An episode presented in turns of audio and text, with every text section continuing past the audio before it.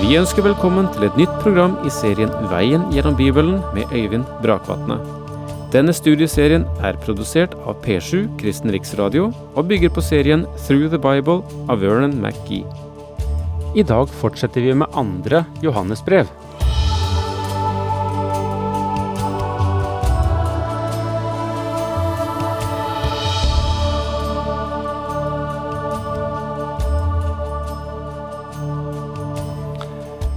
I dag kan jeg love dere at vi skal gå rett inn på teksten i 2. Johannes brev. Vi har brukt et par programmer nå til å gi en bakgrunn for brevet, og også en sammenheng mellom disse tre epistlene som Johannes eh, har skrevet, og forholdet til det evangeliet som han også har skrevet, og som bærer hans navn.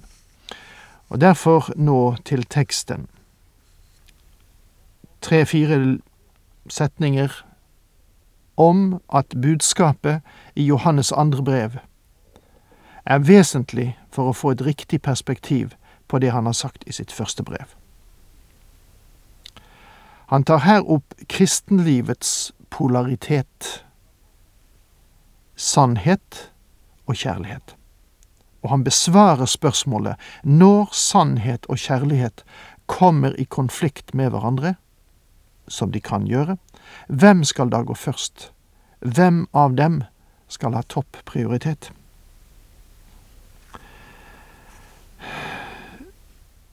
Og så går vi da inn i første hoveddel, som jeg beskrev som kjærligheten skal uttrykkes innenfor sannhetens grense. Altså andre Johannes brev, og vi begynner med det første vers, selvfølgelig. Den eldste hilser den utvalgte frue og hennes barn, som jeg elsker med en sann kjærlighet, ja, ikke bare jeg, men alle som har lært sannheten å kjenne. Den andre epistelen til Johannes er et personlig brev fra den eldste til den utvalgte frue og hennes barn. Det greske ordet for eldste er presbyteros. Presbyter og det ordet har en tofoldig mening. Det kan bety en eldre borger og henvise til alder, eller så kan det være en tittel som henviser til en tjeneste i menigheten, en pastor eller en lærer. Og Jeg føler meg ganske sikker på at Johannes primært kalte seg selv en eldste, og talte da om sin tjeneste i menigheten. Og jeg tror at han også legger inn i dette begrepet det faktum at han nå er blitt en gammel mann. Faktisk er han omkring 90 år og på vei mot de hundre når han skriver dette brevet. Legg merke til at Johannes ikke understreker sin tjeneste som en apostel, og jeg tror at årsaken er ganske åpenbar. Dem han skriver til, aksepterer hans autoritet, og derfor er det tilstrekkelig for ham å kalle seg selv den eldste. Hilser den utvalgte frue og hennes barn. Ordet elekta, utvalgt, kan være navnet på en fremtredende kvinne i menigheten, eller det kunne være selve den lokale menighet som Johannes har i tankene. Hennes barn kunne enten bety denne kvinnens barn bokstavelig talt, eller de åndelige barn i menigheten.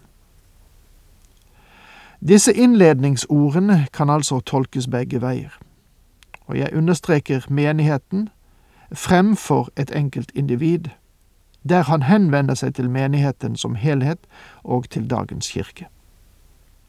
Og når jeg sier kirke, så tenker jeg på det samlede legeme av troende i den Herre Jesus Kristus. Denne epistelen har vært meget aktuell for kirken gjennom århundrene, og det som er skrevet her, har hatt innvirkning på kirkens liv.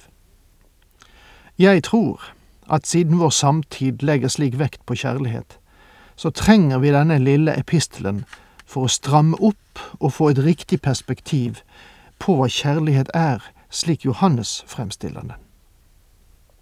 Som jeg elsker med sann kjærlighet. Ordet sann og sannhet blir sterkt understreket i dette brevet, og det har jeg også sagt i innledningen. Sannhet er nøkkelordet i denne andre epistlene, til andre brevet Johannes skriver. Kristen kjærlighet kan bare bli uttrykt innenfor rammen av Guds familie, de som har sannheten. Sannheten her er Guds ord, og også den som er åpenbart i ordet, den Herre Jesus Kristus selv. Som jeg elsker i sannhet er den korrekte, bokstavelige oversettelse. Johannes sier to ting her. For det første at målet for hans kjærlighet må bli en annen troende i Kristus, en ekte troende, og også, for det andre, at han er fullstendig ærlig når han gir uttrykk for dette, at det å uttrykke kjærlighet er ikke bare en from klisjé, som han skriver her. Ja, ikke bare jeg, men alle som har lært sannheten å kjenne. Johannes favner alle andre troende her. De elsker også denne menigheten, eller denne bestemte kvinne i menigheten på grunn av hennes helt enestående vitnesbyrd. Vi gjør det fordi sannheten bor i oss og vil være med oss til evig tid. Vi gjør det fordi sannheten bor i oss, betyr et forsvar for sannheten og vi må være våkne for at sannheten trenger å forsvares. Vi må stå for Guds sannhet og for Guds ord. Mange, også av såkalte konservative troende, har etter hvert fått en svært så avrundet og blasert måte å forkynne sannheten på. De vil ikke stå uhildet frem og si tingene som de er, men de går rundt sannheten og forsøker å bygge opp kløktige formuleringer og sikre sine retrettveier.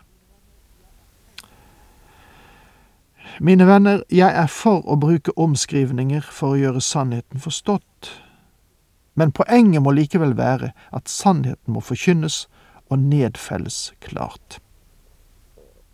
Jeg er klar over at jeg selv sitter i glasshus her og står i fare for å tilsløre sannheten. Ja, at den faren finnes, erkjenner jeg. Til mitt forsvar kan jeg bare anføre to ting. For det første, jeg må alltid ha for øye, og det må være bærende også i min bønn, at det er sannheten jeg vil stå for.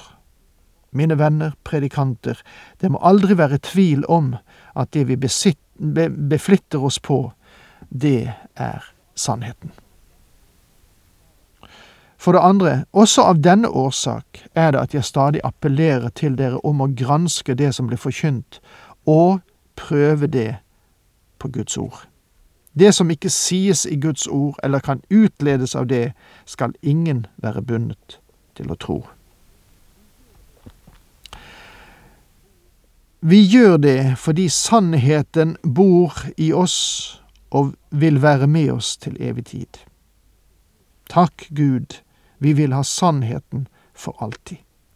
I disse tider, når du ikke vet om du kan tro verken politikere eller bankfolk, universitetsprofessorer, vitenskapsmenn eller militære ledere, så er det deilig å ha en som du kan tro på, den Herre Jesus Kristus. Fordi sannheten bor i oss. Den iboende Guds ånd gjør dette ordet og denne sannhet klar for oss og vil være med oss til evig tid. Sannheten vil ikke forandre seg. Den er uforanderlig. En har sagt det slik Det som er sant, er ikke nytt, og det som er nytt, er ikke sant.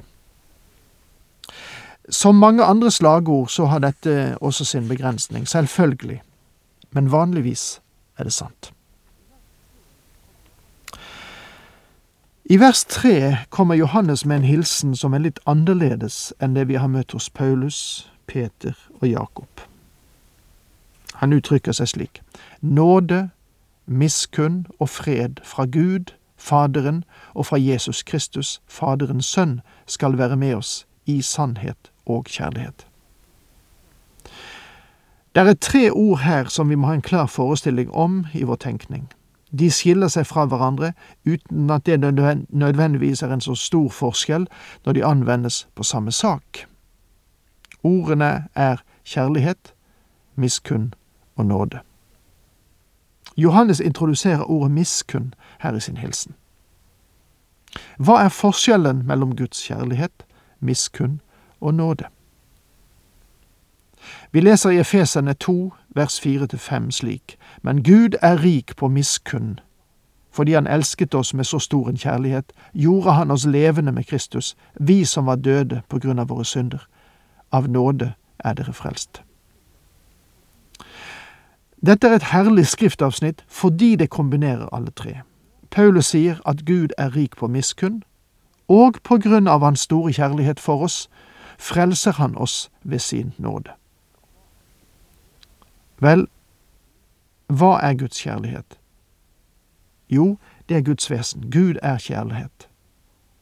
Før noe var skapt, var Gud kjærlighet. Noen kan si, hvem elsket ham?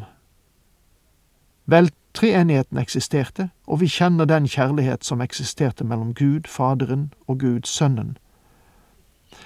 Dr. Schaefer skriver, kjærlighet er det i Gud som eksisterte før han tok seg på å uttrykke miskunn eller nåde. Kjærlighet er Guds natur, og det er det vi kaller et Guds attributt. Gud er kjærlighet, men det interessante er at Guds kjærlighet aldri frelste en synder. Guds kjærlighet fikk Gud til å bevege seg i retning av miskunn og nåde. Og den var årsaken til at han utøvde miskunn og nåde. Og nå kommer spørsmålet. Hva er forskjellen på miskunn og nåde? Miskunn er det i Gud som på behørig måte sørget for det syndige menneskets behov. Gud er rik på miskunn. Hvorfor er han rik på miskunn? Fordi han er kjærlighet. Og fordi Gud er kjærlighet, stilte han til rådighet miskunn for de behov det syndfulle mennesket hadde. Men miskunn frelste ikke mennesket. Nåde er det i Gud som handler fritt for å frelse fordi alle krav til hellighet er blitt tilfredsstilt. Gud er i dag fri til å handle i nåde. Du er en synder som ikke kan sette fram noe for Gud. Du har ikke noe å tilby ham. Men nå betyr nåde at Gud kan komme til deg, en fortapt synder, og si, Jeg er kjærlighet, og jeg er rik på miskunn. Jeg elsker deg, og jeg er stilt til rådighet gjennom min miskunn en frelser for deg. Og hvis du da stoler på ham, så skjer det at av nåde blir dere frelst ved tro. Det er ikke deres eget verk, men Guds gave. Det er Efesene 2, vers 8. Det finnes en, en fin distinksjon her mellom disse ordene, og kanskje noen vil si det virker som dette er å skille ad uten at det er noen forskjell. Vel, mine venner, det er en forskjell i det som ikke ser ut til å være skilt. Men det får vi komme tilbake til noe mer neste gang, for tiden er faktisk ute. Takk for nå. Herren med deg.